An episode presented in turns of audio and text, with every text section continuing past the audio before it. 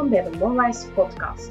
De podcast voor mama's over stress, work-life balance en burn-out.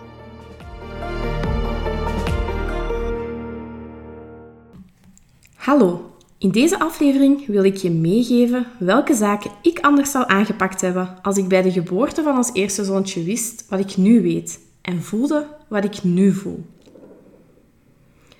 De geboorte van je eerste kindje is mooi. Je hebt er lang op gewacht en eindelijk is hij of zij daar. Ik had het geluk om meteen op slag verliefd te zijn op onze jongens. Maar ik vond het ook meteen heel overweldigend. Je voelt je ook meteen verantwoordelijk voor dat kleine mensje dat je negen maanden lang in je buik gedragen hebt. En ja, iedereen heeft ook een mening natuurlijk over wat dat je wel of niet zou moeten of mogen doen. Zowel de mensen in het ziekenhuis, je familie, je vrienden, kind en gezin. En er is zoveel informatie die op je afkomt. En als je op mij lijkt, heb je ook nog eens een kritische stem in je hoofd die van alles vertelt. En dat alles maakte mij heel onzeker. Ik hield vast aan overtuigingen die me achteraf gezien echt niet geholpen hebben. En dat is wat ik nu graag met jou wil delen, zodat jij weet hoe dat je het wel anders kan aanpakken. Je moet niet meteen alles zelf weten en kunnen. Ik hou ervan om nieuwe dingen te leren. Ik ben iemand, ik lees mij dan helemaal in over een nieuw onderwerp. En zo kon ik ook uh, natuurlijk heel veel vinden over alle do's en don'ts tijdens de zwangerschap en daarna. En ik heb die allemaal gelezen, want ik wou maximaal voorbereid zijn. Tegelijkertijd heb ik ook altijd hoge eisen van mezelf gesteld. En ja, daardoor was ik er ergens in mijn hoofd toch van overtuigd geraakt dat je het moederschap ook meteen moet kunnen. Het is toch iets natuurlijks, het is iets biologisch, iets dat vanzelf komt. En vreemd eigenlijk. Want als ik voor mijn werk nieuwe werknemers moest onthalen, drukte ik hun altijd op het hart dat ze zichzelf de nodige tijd moesten geven om ingewerkt te geraken. Want voor vele jobs moet je ze zelfs minstens een jaar gedaan hebben, of soms zelfs meerdere jaren, voordat je alles een keer gezien hebt. En daar was dus wel een logische. Maar voor het moederschap gold dat dus niet. Althans, vond dat stemmetje in mijn hoofd. Dan moet je wel alles meteen weten en kunnen. En ja, onze kindjes, eerlijk, um, het waren geen gemakkelijke baby's. Ze weenden heel veel. Reflux, um, troosten lukte niet altijd goed. Ik werd daar niet ambetant van, want goed, als mama, je moet je kindje toch kunnen troosten. Uiteraard werden de baby's daar nog ambetanter van. En ja, ik legde dat eigenlijk allemaal bij mij. Ik deed het vast fout, want wie kan er nu zijn eigen kindje nu niet troosten? En ja, ik durfde op een bepaald punt ook niet meer op mijn gevoel te vertrouwen. Ondertussen weet ik dat reflux vele oorzaken en vele uitdagingen heeft. En uiteraard dat je eigen ja, radeloosheid onbewust ook overdraagt op je kindje. Bovendien merk ik nu respectievelijk vijf jaar en een half en drie jaar later dat ouderschap een leerproces is dat blijft duren. Elke keer als je denkt, yes, nu snap ik het, nu heb ik het eh, helemaal in de vingers, ik weet hoe het werkt, dan komt je kind in een nieuwe fase met nieuwe uitdagingen. En nog zoiets. Bij de komst van een tweede kindje zijn er een aantal zaken die inderdaad gemakkelijker zijn, omdat je het al eens meegemaakt hebt. Maar guess what? Elk kindje is anders en heeft zijn of haar eigen handleiding. En ik ben een fan van handleidingen. Ik weet dat er mensen zijn die die nooit lezen. Mijn man is zo iemand. Maar helaas, die zaten er dus niet bij bij de geboorte. Hoe handig had dat niet geweest? Maar dus eventjes terug naar de insteek van deze podcast. Wat zou ik dan anders gedaan hebben? Ik zou mezelf meer tijd gunnen om te leren en te ontdekken. En een aantal inspirerende post-its plakken op goed zichtbare plaatsen. Zoiets in de trant als: Het ouderschap is een lange reis die nog maar net begonnen is. Ehm, je mag proberen, je mag fouten maken. Whatever it takes. Een quote die werkt voor mij en ik geef het dan ook graag mee naar jou. Een quote die werkt voor jou. Iets dat mij er elke dag aan herinnert dat het mag om niet alles te weten. Dat dat oké is. Dat je moet zoeken. Dat dat een reis is, een lange weg, zoals ik net zei, om af te leggen. En dat het niet verwacht wordt dat jij als mama meteen alles weet en kunt. Het tweede punt dat ik anders zou aanpakken is de volgende. Hulp vragen is oké. Even terug in de tijd. Ik herinner mij nog dat ze op de zwangerschapscursus zeiden: Ik laat je helpen, hè? want zeker die eerste weken en maanden die zijn heel heavy. Een goede kraamhulp is dan goud waard. En ik weet nog dat ik daar zat en dat ik dat allemaal aan het noteren was. En ik zei ja, ja, ja. En in mijn hoofd was dat ook, ah ja, oké, ik moet dat doen. En dat is logisch. En uh, ik heb dan ook tijdig een kraamhulp geboekt. Maar eens de baby er was, vond ik het moeilijk om hem uit handen te geven. Het had een stukje met vertrouwen te maken. Uiteindelijk, de mensen die komen, die kraamhulpen, zijn professionals, die doen dat dag in dag uit. Maar toch, voor jou is dat iemand dat je nog niet zo goed kent. En ja, je vertrouwt haar of hem gelijk met je kostbaarste bezit. En daarnaast vond ik het ook not done om te zeggen... Weet je wat? Hier is hem. Ik ga de hele duur dat je hier bent toch eventjes slapen, want ik ben zo moe van al die korte nachten. En ehm, ja, ik heb ook wel wat gedoe gehad met borstvoeding en afkolven, om dat allemaal op gang te krijgen. Um, dus de nachten waren slopend, maar nee. In de plaats daarvan stond ik mezelf een uurtje toe. Dat voelde voor mij aanvaardbaar. En dan nog, hè, dan lag ik zo half met mijn hoor te luisteren wat er beneden gebeurde. En ja, dat kwam eigenlijk voort uit een overtuiging die in mijn hoofd zat. Een overtuiging die zei van, je moet alles zelf doen, want jij bent de mama. En het gevolg was, mijn batterij raakte niet opgeladen. Want onze kindjes, door reflux, die deden altijd korte dutjes in de dag. Dus ik had op de dagen dat de kraamhulp niet kwam, ook amper tijd om bij te slapen in de dag. En ja, stom van mij natuurlijk, want ik had twee keer echt een hele lieve kraamhulp. Echt waar. Twee crèmen van mensen waar ik eigenlijk achteraf gezien 100% op kon vertrouwen. En toch was er die stem in mijn hoofd die zei van... Mm, mm, mm, jij bent de mama, jij moet dat zelf doen. En uh, ja, beneden is iemand vreemd met je kind. Je moet daar blijven over waken. Gelukkig kwamen mijn mama en schoonmama ook als ze tijd hadden. Maar toch nadien vond ik het ook erg moeilijk om ze te laten logeren bij onze ouders. Daar was het natuurlijk niet omdat hen niet vertrouwde, maar omdat ik me ja, soort of van schuldig voelde. Want ik ging iets leuk doen en ik liet mijn baby ergens achter en die begreep dat nog niet. En goh, wat een slechte mama. Ik laat mijn kind hier achter en ik ga zelf iets leuk doen. En een hele tijd geleden was ik ergens een interview met een mama die zei dat ze dat vroeger ook had. En dat ging eerder over um, ja, jouw kind op kamp laten gaan ook, maar ook zeker om te laten logeren. En die zei,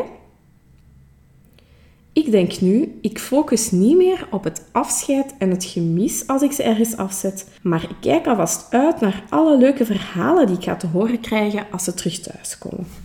Nu goed, een baby kan natuurlijk niets vertellen, maar jouw ouders of jouw, jouw schoonouders of, of wie dan ook die op jouw kindje mag letten, ja, die kan dat wel. Hè? En ik besloot op dat moment om in plaats van me schuldig te gaan voelen, om onze kindjes en onze ouders de kans te geven om samen een leuke tijd te beleven en ook een band te krijgen, zonder dat wij daar altijd bij zijn. Want, geef het toe, grootouders verwennen de kindjes wel een beetje en dat is oké. En ik denk toch stiekem nog een beetje meer als, als wij er niet bij zijn. En ik ben begonnen met dat te zeggen voor mezelf. En in het begin was dat moeilijk, hè? want dat is niet meteen dat je zegt van oké, ik druk op, een ander knopje en die gedachte verandert in je hoofd. Nee, dat was echt, uh, in het begin moest ik dat echt tien keer herhalen als wij vertrokken. Maar goed, als de kindjes zijn nu groter en ik kan je vertellen, ze hebben mij nog nooit gezegd, mama, je hebt me daar te veel achtergelaten. Of uh, weet je nog die keer dat je mij daar hebt achtergelaten? Dus ja, ik denk mijn belangrijkste tip voor jou is zeker... Uh, als je kindjes er nog niet zijn, maar ook als ze er zijn, bouw een netwerk op van je steunpilaren. Dat kunnen je ouders zijn, vrienden, misschien wel je buren of professionele hulpverleners.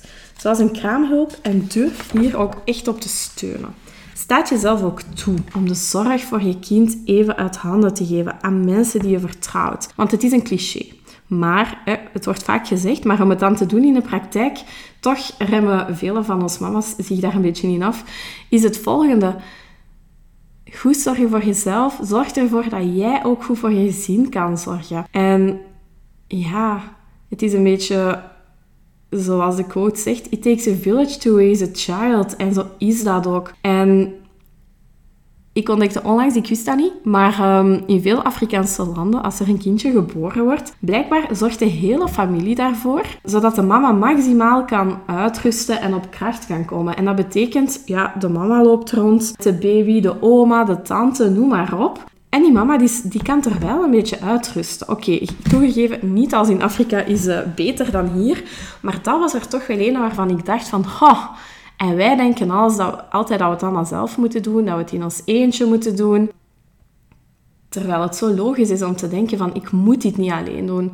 En ik kan me voorstellen dat niet iedereen het geluk heeft om een grote familie te hebben of een goed contact met ouders of schoonouders. Maar zoek dan iemand anders. Een goede vriendin, misschien wel een buurvrouw die af en toe eens um, tijd heeft om jou te helpen. Durf het te vragen. Blijf daar niet alleen mee in de zin van je hoeft het niet alleen te doen en uh, zoek mensen die je echt kan vertrouwen en je gaat merken dat dat jou zoveel meer energie gaat geven en dat dat jou echt helpt om een gelukkigere mama te blijven op langere termijn. Een derde die ik uh, anders zou aanpakken is, je bent nog steeds een goede mama als de borstvoeding niet lukt. Waarom? Um, ik heb daarnet al gezegd, en wij hebben zelf een beetje gedoe gehad met de borstvoeding. Dat lukte allemaal niet zo goed gevolg, we moesten veel bijkolven. Dus ik weet nog, op een bepaald moment um, had ik borstvoeding gegeven, redelijk lang, om ervoor te zorgen dat die toch voldoende konden drinken, want die andere kindjes kwamen niet genoeg bij. En daarna ging ik nog eens zoveel tijd afkolven, en dat om de zoveel uur. Dus mijn slaap werd zo hard ingeperkt. En ja, dat is ook weer zo een die in mijn hoofd zat van... Ja, borstvoeding. Het is zo belangrijk, hè? want iedereen zegt het borstvoeding is het beste. Um, het is ook iets natuurlijk. Dus ja, ik wist wel, ik had wel gelezen dat je uh, een beetje moet oefenen, dat dat niet altijd direct gaat. Maar ik zag zoveel mama's die zelfs tot een half jaar, een jaar na de geboorte goed konden borstvoeding geven. En ja, bij ons lukte dat niet. En onze twee kindjes die hadden bij de geboorte een gele kleur. Ehm, sommige mama's gaan dat misschien herkennen en die moesten op de lampen. En op zich is dat iets veel voorkomend, maar het is dus wel echt een extra uitdaging voor de opstart van die borstvoeding. Dus de tweede keer, hè, dus bij de tweede baby, uh, was ik al iets beter voorbereid dan de eerste keer. Maar ik besloot van, oké goed, elk kind krijgt zijn eigen kans. Misschien lukt het nu wel. Betere tips nog van de vroedvrouw, op zich heel goed begeleid.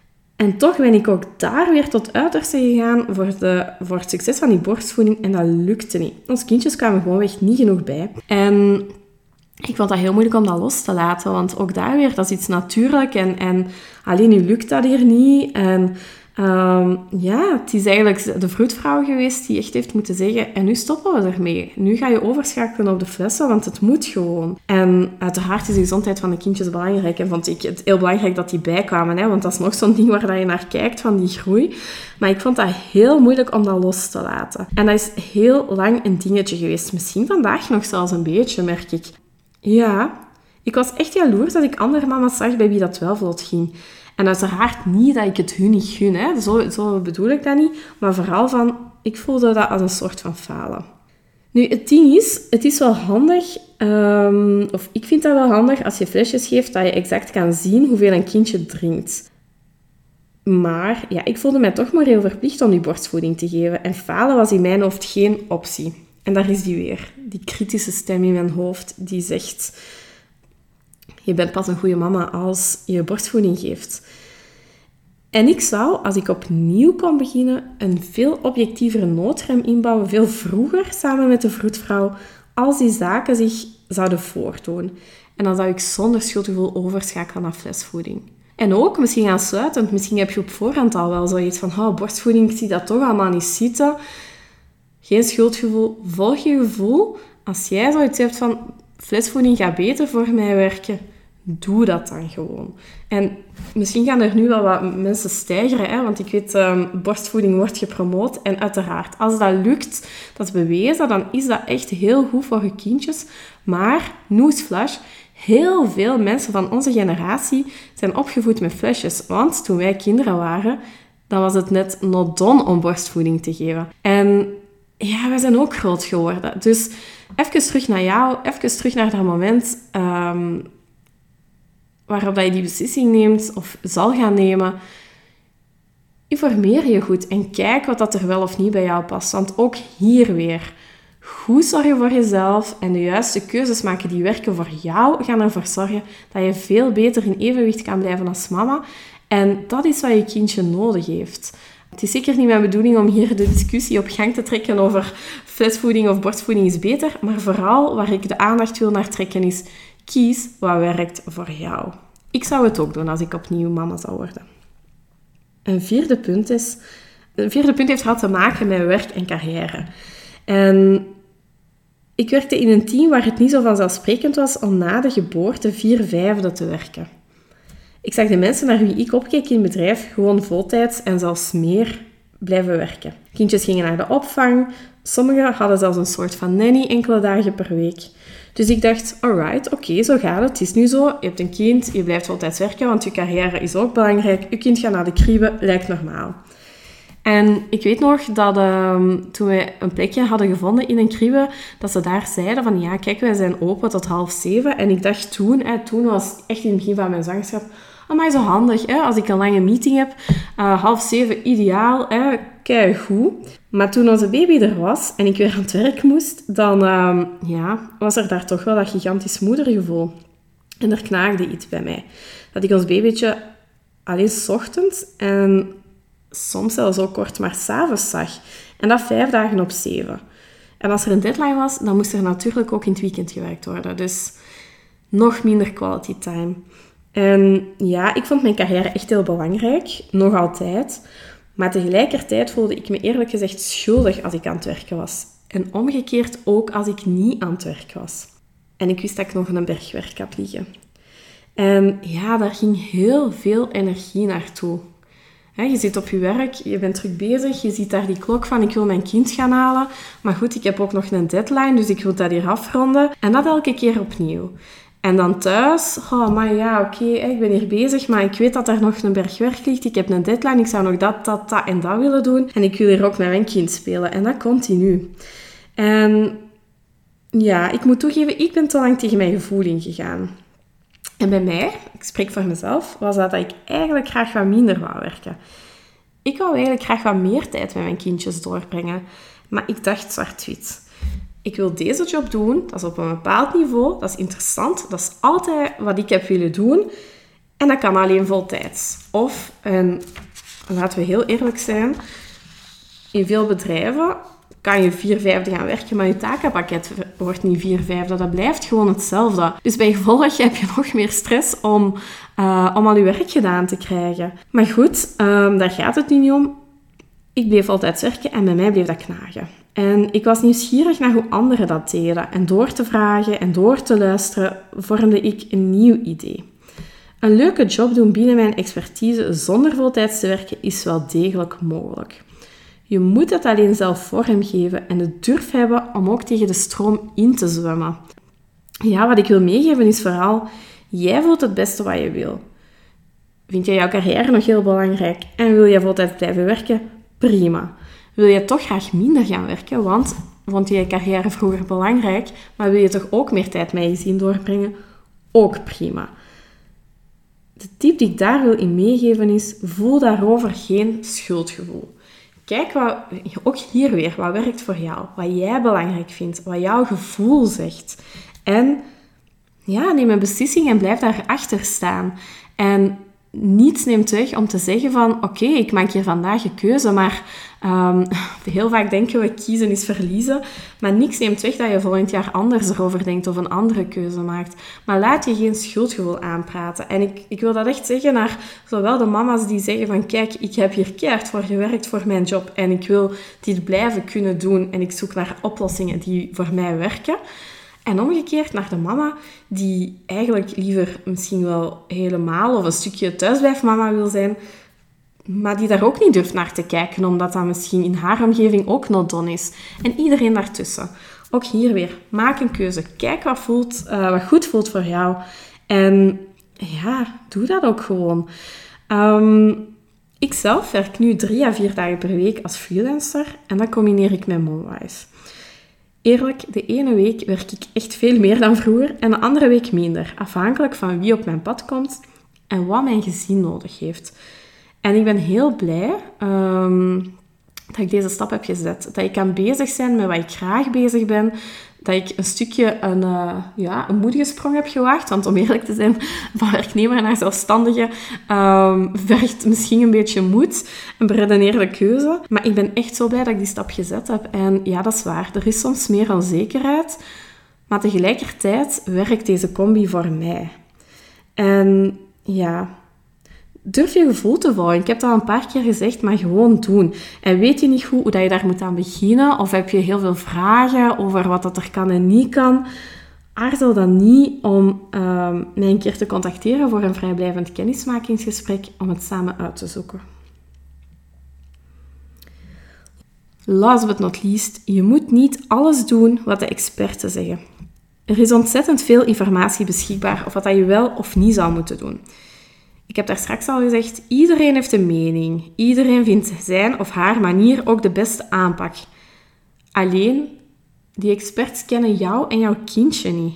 Je hoort ook vaak, volg je gevoel. Maar om eerlijk te zijn, als er zoveel info op je afkomt en je bent misschien al moe door de korte nachten, ja, dan kan het gebeuren dat je even niet meer, uh, dat je het allemaal niet meer weet en, en dat je ook niet zo goed meer voelt wat dat je nu eigenlijk uh, um, nodig hebt en, wat dat jouw gevoel je probeert te vertellen. Mijn tip hier is, kies daarom één of twee vertrouwenspersonen uit die om raad kan vragen, waarvan je het vertrouwen hebt dat zij jou goed advies gaan geven. En dat kan jouw eigen mama zijn, je vroedvrouw, misschien wel een goede vriendin die al grotere kindjes heeft, maar beperk je daartoe. Want ja, nogmaals, iedereen heeft andere meningen en um, ik vind het belangrijk om naar elkaar te luisteren. Absoluut, daar leer je uit. Maar op het moment dat het jou meer gaat verwarren dan helpen, ja, dan heb je het omgekeerde effect. Dus mijn tip naar jou toe, kies één of twee mensen uit die dat je vertrouwt en stick to them. Misschien één uh, uitzondering, en dat is vooral bij medische twijfels. In dat geval contacteer steeds je arts of je kinderarts. Een goede kinderarts die vindt het niet erg dat je een keer te veel belt. Liever te veel als te weinig. En ja, ze hebben ook ervaring met begeleiden van jonge ouders en ze kunnen jou ook helpen om te zoeken naar een goede oplossing als het gaat over niet goed slapen reflux. Eerlijk, het eerste jaar met de eerste baby, ja, we hebben heel veel bij de kinderarts geweest. Bij baby 2 was het al wat minder, omdat je wat meer zelfvertrouwen krijgt en dat je weet van, ah ja, dat is dat zo, het zal wel, het zal wel dat zijn of het zal wel dat zijn. Maar bij twijfel echt gewoon bellen. Ik weet dat er zijn kinderartsen die uh, jou daarop aanspreken, die dat niet oké vinden. Maar eerlijk, dan vind ik dat geen goede kinderarts. Uh, ze hebben nu medische expertise, maar het is ook zo belangrijk dat ze jou als ouder kunnen begeleiden in die eerste jaren met jouw kind en misschien ook daarna. Dus voilà, misschien is dat wel de tip. Ga op zoek naar een goede kinderarts. Hoor eens in je netwerk Um, naar namen van mensen in jouw regio waar de ouders tevreden van zijn, ook het contact met de ouders, want dat gaat echt een wereld van verschil maken. Vooral wat ik wou zeggen is, um, kies dus een aantal mensen uit die je vertrouwt. Probeer hun tips ook uit. En probeer en kijk wat dat beste werkt voor jullie. Ook al is dat niet helemaal wat dat de experts zeggen of wat kind en gezin zegt. Uiteraard moet je het veilig houden. Hè. Laat dat duidelijk zijn. Het is ten belangrijk dat je het veilig, uh, de veiligheidsvoorschriften wel volgt. Maar vooral de rest, zoek het een beetje uit. En durf inderdaad je gevoel te volgen. En je gaat merken, op dat moment ga je dat wel voelen wat dat juist is. En wat dat werkt. Een leuk boek hierover is trouwens, mocht je dat nog niet kennen, het boek Niet aan kind en gezin verklappen van Hanna Luiten. Um, Zoek het uh, op via Google. Je vindt het meteen terug, denk ik, in bol.com en uh, standaard boekhandel. In feite, bij de tips die ik heb meegegeven, komt het altijd neer op overtuigingen. Overtuigingen die beginnen met ik ben pas een goede mama als. Ik ben pas een goede mama als ik borstvoeding geef. Ik ben pas een goede mama als ik alles zelf kan en weet. Ik ben een goede mama als ik alles doe wat dat de experten zeggen. Puntje, puntje, puntje, vul zelf verder aan die overtuigingen die zijn er ingeslopen door je opvoeding. Hè. Bij mij was dat ook zo. Door gebeurtenissen in je leven, de mensen in je omgeving vandaag, maar ook de ideaalbeelden in de media. En al die dingen samen die worden te pas en te onpas herhaald door een stemmetje in jouw hoofd. Dat klinkt nu raar en misschien gaan sommigen denken, ik heb helemaal geen stem in mijn hoofd. Maar um, misschien zeg je dat dan tegen jezelf, of komt het gewoon in je hoofd. Maar um, in elk geval, het gaat over die gedachten, die overtuigingen, die zeggen dat je pas een goede mama bent als. Als ik opnieuw mama zou worden, dan zou ik die overtuiging echt wel herschrijven naar je bent een goede mama. Punt. Dankjewel voor het beluisteren van deze aflevering van de Momwise podcast. Wil je meer weten over hoe ook jij van die kritische stem in je hoofd jouw trouwste supporter kan maken? Wil je sterker in je schoenen staan als mama en als vrouw? Schrijf je dan nu in voor mijn gratis webinar. Van kritische stem naar je meest trouwe supporter. Ik voeg de linkje onder toe aan de omschrijving. Nogmaals, dankjewel voor het beluisteren van deze aflevering en tot volgende keer. Dankjewel voor het beluisteren van deze aflevering van de Monwise podcast. Ondersteun je mijn missie om zoveel mogelijk mama's te helpen om hun evenwicht terug te vinden en te bewaren, zowel thuis als op het werk? Geef dan zeker een beoordeling en review in de app waarmee je je podcast beluistert, of abonneer gelijk als je geen enkele aflevering wil missen. Wil jij na het beluisteren van deze aflevering graag nog meer tips over op een gezonde manier omgaan met stress en vermoeidheid als mama? Volg me dan zeker op Instagram via @wearemonwise of kijk op www.monwise.be slash gratis aanbod voor een aantal leuke downloadables. Nogmaals bedankt voor het beluisteren van deze podcast. Zorg goed voor jezelf en tot volgende keer.